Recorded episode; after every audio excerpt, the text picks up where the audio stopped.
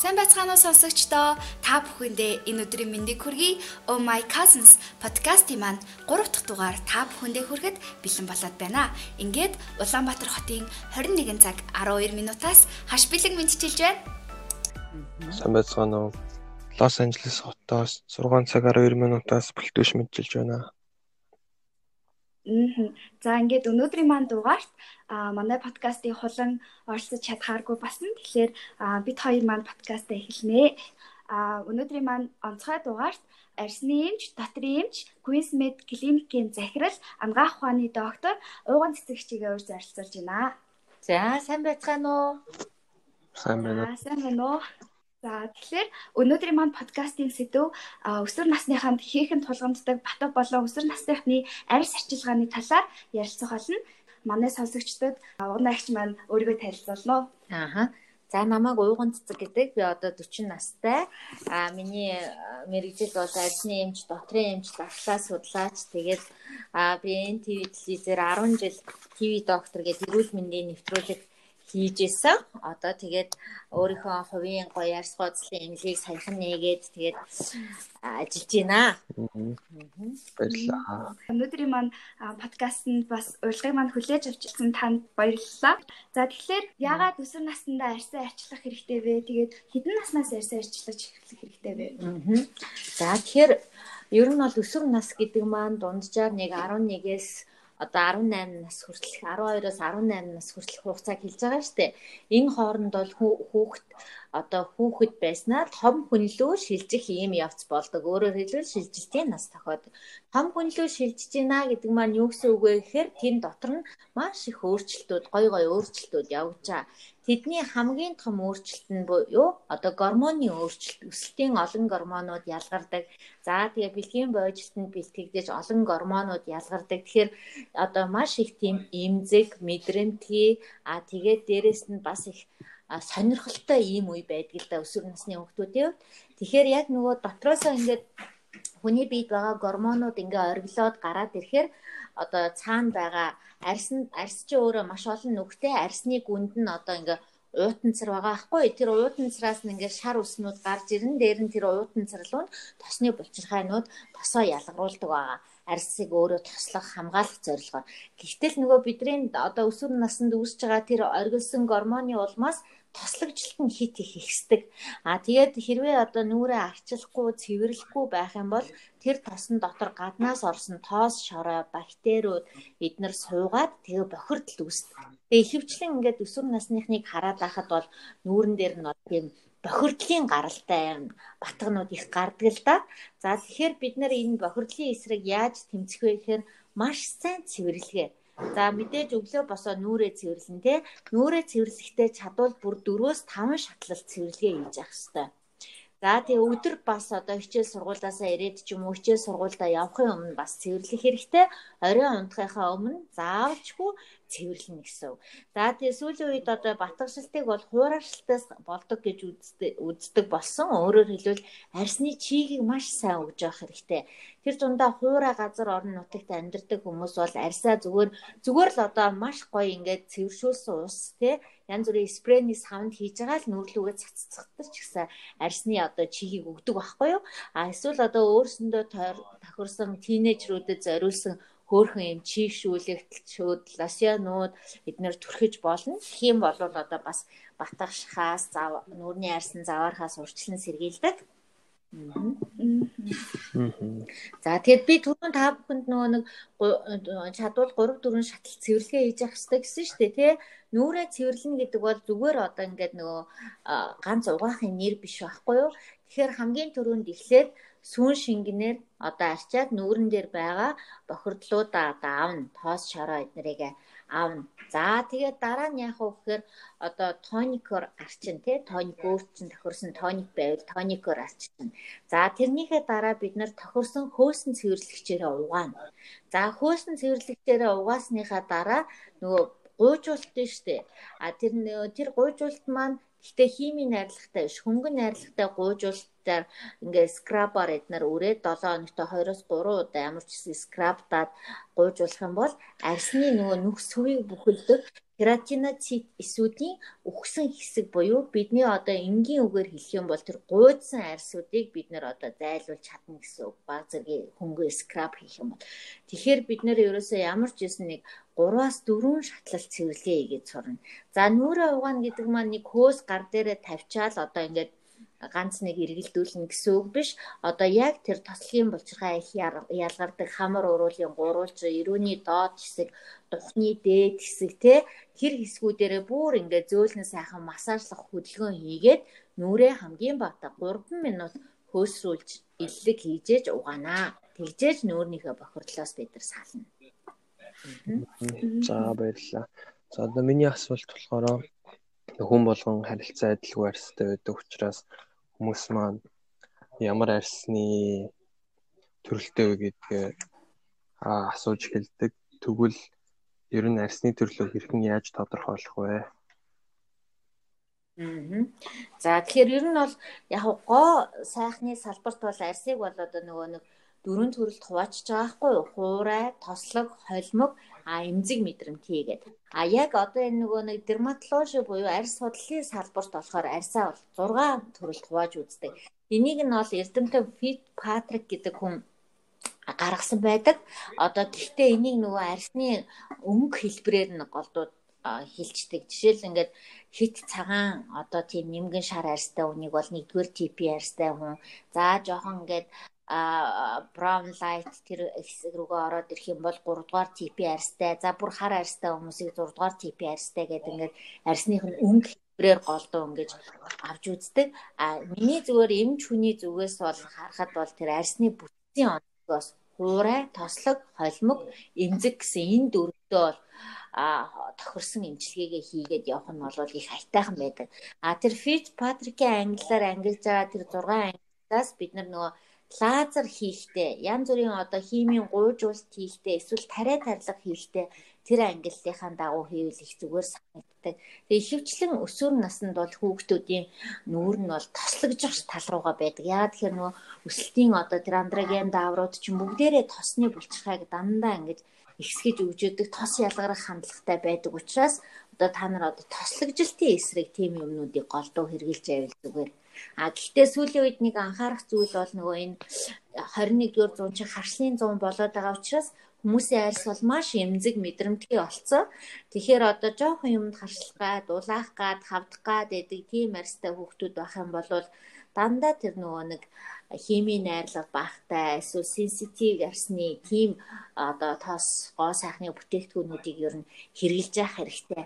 За тэгээ заавалчгүй ингээд тосноос илүүтэйгээр гэрийн арьс арчилгааны аргуудыг маш их сайхан авч явах хэрэгтэй. Монгол хүм чинь үүрэндээ гоё тараг төрхөж болно тий. Тослогийн баланс тэнцвэрчин өгөрцгийг сайхан зүсээд нүүрэн дээрээ битүү тавих юм бол гоё арьсын гоё чиглэг болно.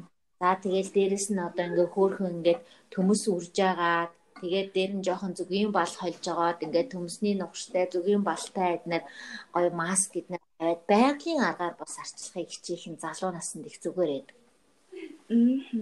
За тэгэхээр өсвөр насны хүүхдүүд маань арьсандаа тохируулаад бүтээгдэхүүн хэрэглэж байгаа.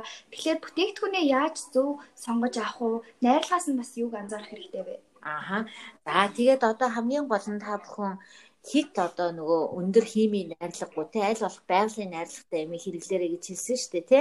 Тэгэхээр одоо AHA, BHA гэдэг найрлага болох юм бол эдгээр нөгөө нэг альфа гидроксил ацид буюу нөгөө нэг гуйжуулах үйлчилгээтэй байна гэсэн үг байхгүй юу? А энэ AHA, BHA эдгээр нь болохоор нэг 15-аас 20% байх юм бол хэвийн гэж үзэн 50 60% болоод ирэх юм бол өндөр одоо гуйжуулах үйлчилгээтэй байна гэсэн. За тэгээд дээрэс нь одоо нөгөө нэг одоо маш олон хитрхи их нөгөө хүчлүүд тийм ч ацид, ийм ч ацид гэсэн маш олон хүчлийн найрлагатай байх юм бол тийм онцгүй байдаг. А гэтээ одоо хэдий байгалийн гаралтай ч гэсэн бүхэл юм цаанаа химийн найрлагатай байдаг учраас а та бүхэн ямар ч гэсэн эхний ээлжинд өсвөр насныханд нөгөө hydration буюу дандаа чийгшүүлэх moisturizing буюу чийгшүүлэх ийм төрлийн зүйлүүд авч явах хэрэгтэй. Дээрэс нь батхан зориулсан тусгай гээлүүд байгаа тий одоо хатаах, аргаах үйлчилгээтэй тийм гээлүүдийг бас сонгож хэрэглэх нь их зүв байд юм аа. За дараагийн асуулт маань болохоор дүүрний бүтээгдэхүүнийг хэрхэн зөв дараалалаар хэрэглэх вэ? Аха. За. За яг зөв байна.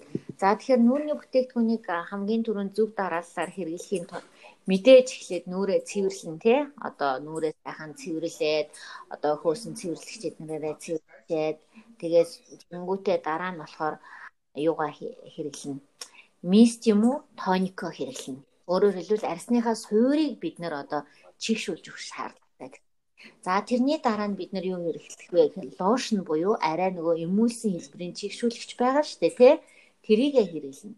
За тэгээ лошныхаа дараа үндсэн тос өдрийн тос, шөнийн тос өөр юу гэдгийг тэр тухайн үедээ хэрэглэж байгаа суур тосоо хэрэглэнэ.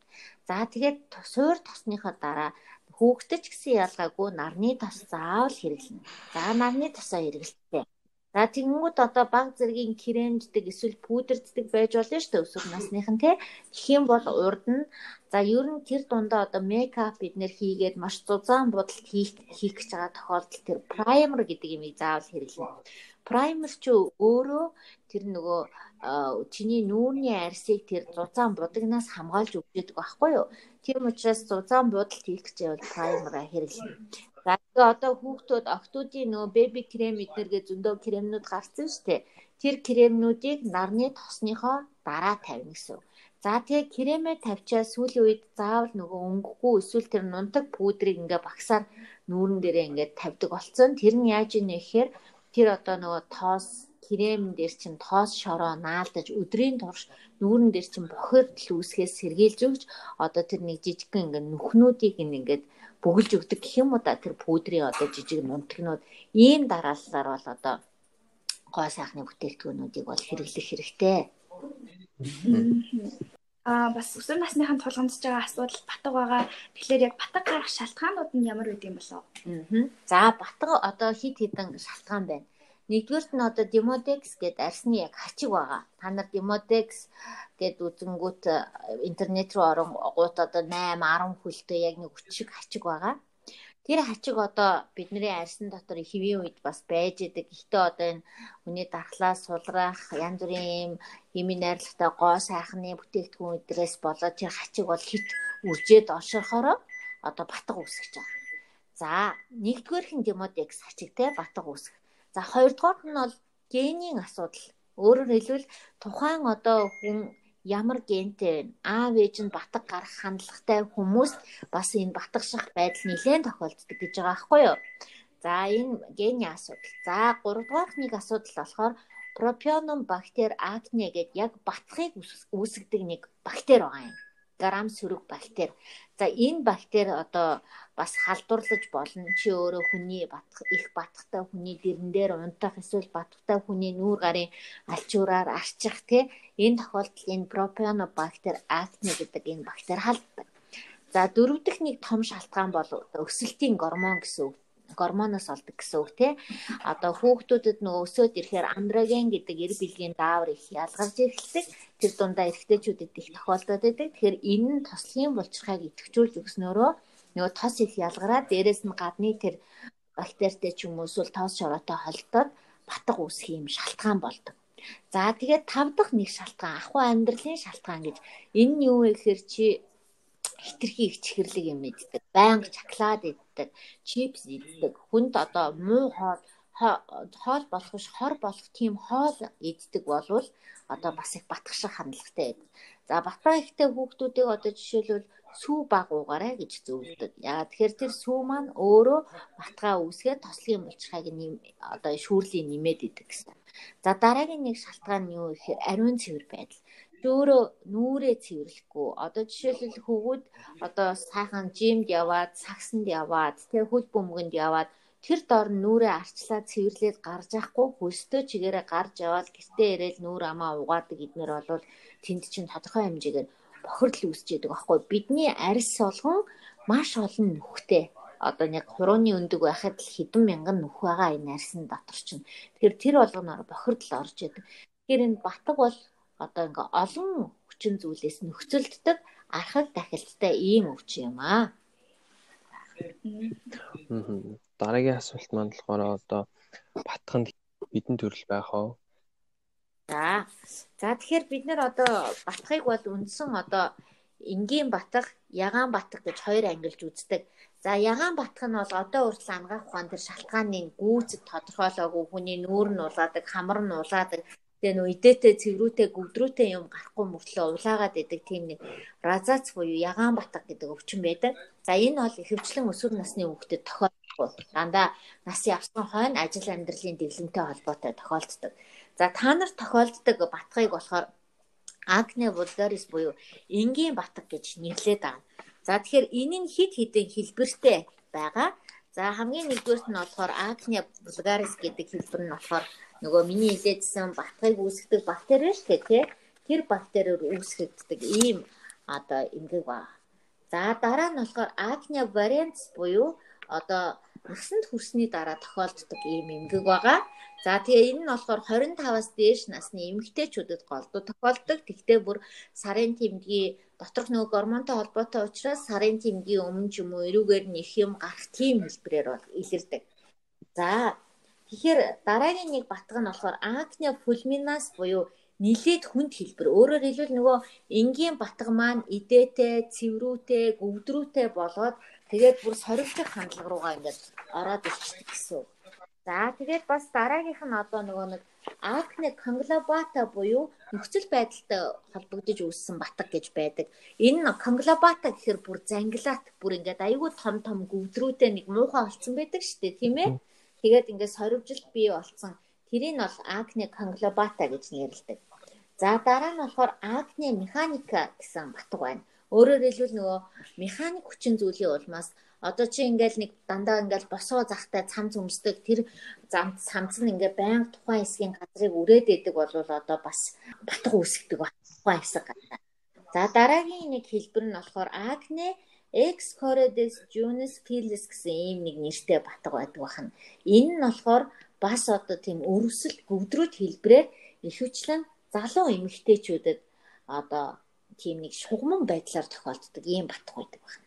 За дараагийн нэг хэлбэр нь болохоор эмийн нөлөөтэй батг гэж байдаг. Өөрөөр хэлбэл чи ингээд янз бүрийн өвчнөд хүмүүс ингээд гормон хэргэлдэг, кортикостероид гэж нэрлэдэг тийм гормоны гаралтай эм уугаад ахаар нүрээр нь дүүрэн батгших эмийн нөлөөт батг үүсдэг. Гэхдээ энэний онцлог нь болохоор тэр эмээ зогсонгууд энэ батг нь алга болчдөг.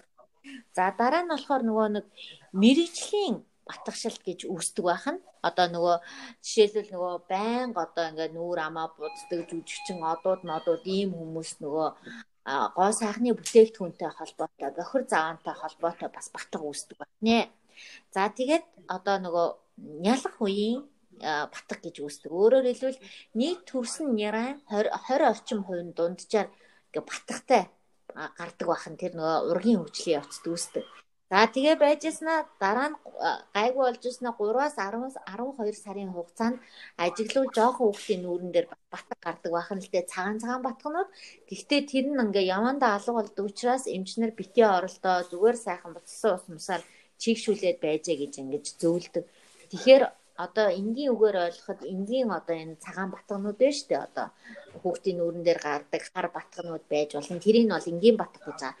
Тэгээ цаашлах юм бол идээд гүвдрүүнцэд хэлбэр те зангилаат хэлбэр мэрэгжлийн батг одоо эмийн шалтгаанд батг механик батг гэх олон юмнууд байдаг бахан. Та нарт бол гормоны шалтгаантай энгийн батг голдуу үүсдэг.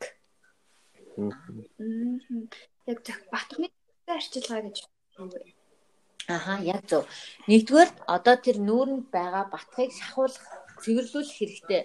Чи одоо ингээ зүгээр байж байгаа хизээч шимэгдээд алга болохгүй байхгүй юу? Тэгэхээр бид нар тэрийг одоо юу яах хэрэгтэй? Батхаа сайхан цэвэрхэн гоо сайхны газар жоохон цэвэрлүүлээ шахуулах хэрэгтэй. За өөрийнхөө зүгээс нөгөө 3 4 шатлалт нүүрний арьс арчилгаа байна шүү дээ тий. Тэрийгэ байнга хийн өглөө өдөр орой байнга хийн. Дээрэс нь нүрэ байнга чийгшүүл нөгөө батганы эсрэг чийгшүүлэх лосен юм уу эсвэл чийгшүүлэх юмнуудыг ер нь байнга хэрэглэнэ гэсэн. За тэгээд дээрэс нь болохоор хамгийн гол нь одоо шаардлагатай тохиолдолд эмчээс зөвлөгөө авна. Эмч чинь гаднаас нь яг одоо эмийн антибиотик уу эсвэл гормоны тас төрөх үү чамд эм уулах уу яах уу гэдгийг бол эмч бол шийднэ. А зүгээр ингээ гайгуухан ганц нэг батцыг бол гоо сайхны газарт ороо шахуулчих болно. Асуудал үүсгээд байгаа идээлээ цэврүүтэд гөвдрүүтэд байвал заавал эмчт хандах хэрэгтэй. Яа тэгэхээр энэ батгшилт чинь бас их зэвүүн сориг үүсгчдэг. Тэр сорийн дараа нь эргээд арилахгүй та нарыг том болсон ч арилахгүй учраас ер нь бол э, жоохон хүндрэх гээд байвал заавал арсны эмчт үзүүл Аха. За дараагийн асуулт маань болохоор бүтээгдэхүүн хэрэглэхээс гадна хэрхэн арьсан хамгаалах вэ? Аа. За. За одоо хамгийн нэгдүгээр та нарын арьс арчилгаа бол би чигшүүлэх гэж хэлсэн тий. Цэвэрлэн, чигшүүлнэ. А тэгээд нарны тос түрхэн. Одоо нар гэдэг чинь хортой байна л да хүний арьс нь тэр дундаа одоо за монголч гайгүй одоо энэ Африкийн орнууд, Азийн байн хурц шар наржаад хурц нар шарж яадаг ийм газар болвол энэ арсыг маш их дэмтээдэг байна. Тэгээ нарны нөлөөнд ороод хүний арс маш их өсөөждөг. Тэгэхээр одоо ингээ батхтай байж байгаа л ингээл наранд их явах юм бол маш их амархан соривж гин гэсэн үг байхгүй юу? Бор бор нүсөө тийм талбарсан гэсэн. Тэгэхээр аль болох одоо нарны тос түлхэх хэрэгтэй, чийгшүүлэх хэрэгтэй, цэвэрлэх хэрэгтэй. Тэг хувийн ариун цэврээ. Одоо сард нэг л удаа нэг алчуур хэрэглэн. Дэрний удаа 7 хоног тутамд байн угааж байна. Орд өднийхээ даваа байн угааж цэвэрлж шинчилж байна. Тэ хүнтэй ерөөсөө юм хумаа хольж болохгүй. Тэр дундаа охтууд одоо нөгөө нүүрний крем мэрэм тос мосоо зүрхдэг спонж спонжо хүнтэй ерөөсөө хольж болохгүй. Яах ёстой вэ гэхээр зайлшгүй шөнийн тос яах хэрэгтэй. Гэтэ шөнийн тосоо түрхээ тэр чигээр унтна гэсэн үг биш заяо. Орой ингээд нэг 8 цагт арсаа цэвэрлжлээ, шөнийн тосоо түрхчлээ. Тэгээд орой яг 10 10 цагийн үед унтахынхаа өмнө илүүд л одоо тос байх юм бол нүрээ сайхан арчаад авчин гэсэн хөнгөөр шингээгээд. За тэгээд эрэгтэй ч эмэгтэй ч ялгаагүй 7 хоногт нэг 2 удаа чигшүүлэх зүгээр хямдхан чамаагүй салфетик маск тавьж явах хэрэгтэй. А тэгээд ер нь бол нарнаас л их сайн хамгаалт наранд бас тэгж байнга яваад байх нь бас их димээ. А тэгээ өглөө мэдээж нүрээ цэвэрлчээд тэгээд заавал чийгшүүлнэ. Би энгийн арга зааж өгсөн дээ. Өөрт нь тохирсон нүүрний мист байхгүй болвол зүгээр сайхан буцсан ус ч юм уу тийм одоо нөгөө нэг цэвэршүүлсэн ус мусыг гоё спрейний савнд хийж байгаа нүүрлүгөө ингээд цацаад чийгшүүлээд явж болно гэсэн. За дараагийн асуулт маань болохоор хоолтын тухай асуулт байна. Та түрүүн хэлсэндээ чипс, чихэр ундаа гэсэн хооллууд ер нь бол ярьсан маш муу гэж хэлсэн. Тэгвэл ер нь зөв хоолт нь ямар ямар хоол ордог вэ? Аха. Тэгэхээр зөв хоолт гэдэг маань ер нь их боловсруулаагүй яг байгалийнхаараа байгаа хоолыг хэлж байгаа байхгүй юу? Өөрөөр хэлбэл бид нар байгаль дээр юу идэх юм? Будаа байдаг, гурил байдаг, төмөс, луун, манжин, жимс, жимсгнүүд байдаг. Одоо тарг байдаг, сүү байдаг, мах байдаг тий? Аа тэгээд өөр ингээд хатаасан жимс, самарнууд байдаг. Ийм юмыг бид нар идэх хэрэгтэй. Тэгэхгүй бол хүүхдүүд ихэвчлэн чипс идэн боловсруулсан тэр хизээч байгаль дээр байдгүй хүмүүс санаанаасаа гаргаж авсан хоол ундаа хизээж хүн төрөлхтөнд анханасаа байгаагүй хүмүүс зүгээр хиймэл чихэр хийгээд хиймэл газ хийгээд ундаа гаргаж авсан. За жуус ууй гэвэл зөвхөн жимсээрээ шахсан жуус хэрэгтэй тий. За тэгээд шоколаднууд гэхэд хэдхэн хувь нь какао үлдсэн хувь нь дандаа хэрэггүй одоо нөгөө масл заасл тий хэрэггүй одоо сахар махар тэгээд эсвэл химийн найрлагатай эмульгатор тогтворжуулагч нар эдэр байдаг байхгүй юу. Тэгэхээр аль болох одоо жишээлбэл сайхан өглөө босоод нэг жоохон цэцгийн тостой хар талхай идчихдэг ч юм уу. Өглөө нэг хүнд нэг эрхийн хурууны хэмжээ хэмжээтэй тос авах нь маш сайн. Тэр нь одоо цэцгийч байж болно, маслж байж болно, оливын тосч байж болно тий. Тэгснээрээ юу болох вэ гэхээр та нарын одоо шүнжэнгөө илгэнд хуримтлагдсан нөгөө цөс чинь ялгарч чаана. Цөс байнга өтгөн байгаад ах юм бол бас батг гарах нэг шалтгаан байдаг учраас тос орж цөс чи ялгардаг учраас өглөөдөө нэг жоохон тос оруулчихна. За тэгэнгүүтээ өдөр хүн юу идэх ёстой вэ гэхээр чи нэг жоохон ингээд юу идчих болно, жимс идчих болно те найлан банаа манаа 11 цагийн үед. За нэг цагт болохоор гоё шүлтэй хоол идэж болно, хуурга идэж болно. Гэхдээ аль бол хамтлагч багтай. Ер нь халуун ногоо эднэр юуны үед батхны үед димээд. За тэгээ 4 цагийн үед чи юу идэх вэ гэхээр гоё цагаан идэгээ идэх хэрэгтэй. Аар бол бислаг, эсвэл сүү, тараг заавал идэнэ. За орой хамгийн цагтлын хоолоо 7 цагт идэнэ. За өсвөр насныхан болвол одоо нөгөө бас сайн хоолж явах хэрэгтэй учраас орой салаад идээд октод нь хоошдог октод бол идэж болно. А хоошдгүй эрэгтэй хүүхдүүд байх юм бол голдуу махногоо голдуу хоол идэх хэрэгтэй. А тэгээ өдрийн хоолн дээр бол будаа, гурил, гоймон эднэр идэж болно штэ. Төмс эднэр.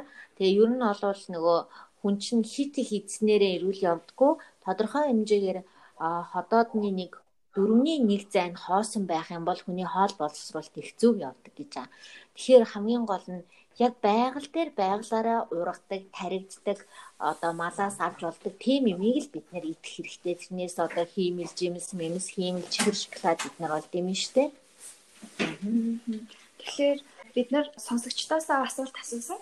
Тэгэхээр яг та нар тулгамдаж байгаа асуултууд юу байна вэ гэхэд хүүхдүүд маань нэлээдээ нөхцөлтийн талаар асуулт асуусан байсан. Тэгэхээр нөхцөлтөөс яаж сэргийлэх вэ? нөхцөлттэй хүүхдүүд нь тэрийг яаж багасгах хэрэгтэй вэ? Ааха. За нөхцөлт бол ерөөсөө тослогжилттой холбоотой үүсэж байгаа учраас нөхцөлтийг багасгахын тулд одоо тослогийг багасгадаг юм бол дотроосоо уудаг тэрийг бол эмч удирдна.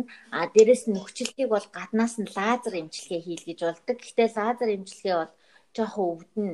А яг өсвөр насны хүүхдэд бол тиймж тохиромжтой биш. А тэрийг бол ерөнхийдөө нэг 9 сарын сүүлээс 3 сарын нэгэн хүртэл хийн бол хийдэг байгаа. За дараагийн нэг нөхцөлтийн эсрэг авдаг юмнууд бол тариа тарилгууд байгаа. Өөрөөр хэлбэл нүүрлүү тарьдаг витамин С, А, С, коктейл, коллаген тэрийг тарих юм бол нөхцөл багасна. За дараагийн нэг авах арга хэмжээ нь нөгөө радио давтамжийн долгионыг зүүгээр маш нарийн одоо оруулдаг тийм аппарат гэдгийг. Тэр аппаратаар ингээд альс руу нүүлчлэхээр цаана шин коллаген нийлэгжээд нөхцөл багасдаг байхгүй юу. Тэгэхээр одоо нөгөө нөхцөлтэй сурчлан сэргийлэхийн тулд нүүрээ байнга тослогдуулж болохгүй. Нүүрээ байнга тослогдуулахгүй тулд юу их вэ гэхээр угаан алсан цэвэрлэн нөгөө чигшүүлэх юмаа хийнэ гэсэн. За тэгэхээр өнөөдөр уугнаа ихч маань бидэнд маш их зөвлөгөө өглөө. Тэгээд манай бас уламжлалт асуулт байгаа. Тэгэхээр та манай подкастын маань хүүхдүүдэд өөрийнхөө өсвөр насны талаар ярьж өгөөч. Аа. За. Миний өсвөр нас бол их гоё өнгөрсөн. Гэтэ их завгүй өнгөрсөн. Би бол онд сурдаг хүүхэд байсан. 84-р сургуулийг бол 10 жил э, сурж байгаа. Тэгээд сүүлд ангаахт орох гээд Баян хонгорын 3 дугаар 10 жилд очсон. Тэгээд тэгэхэд бол би одоо ингээд 40 үлрэл ингээд ингээд шагнал авч исэн.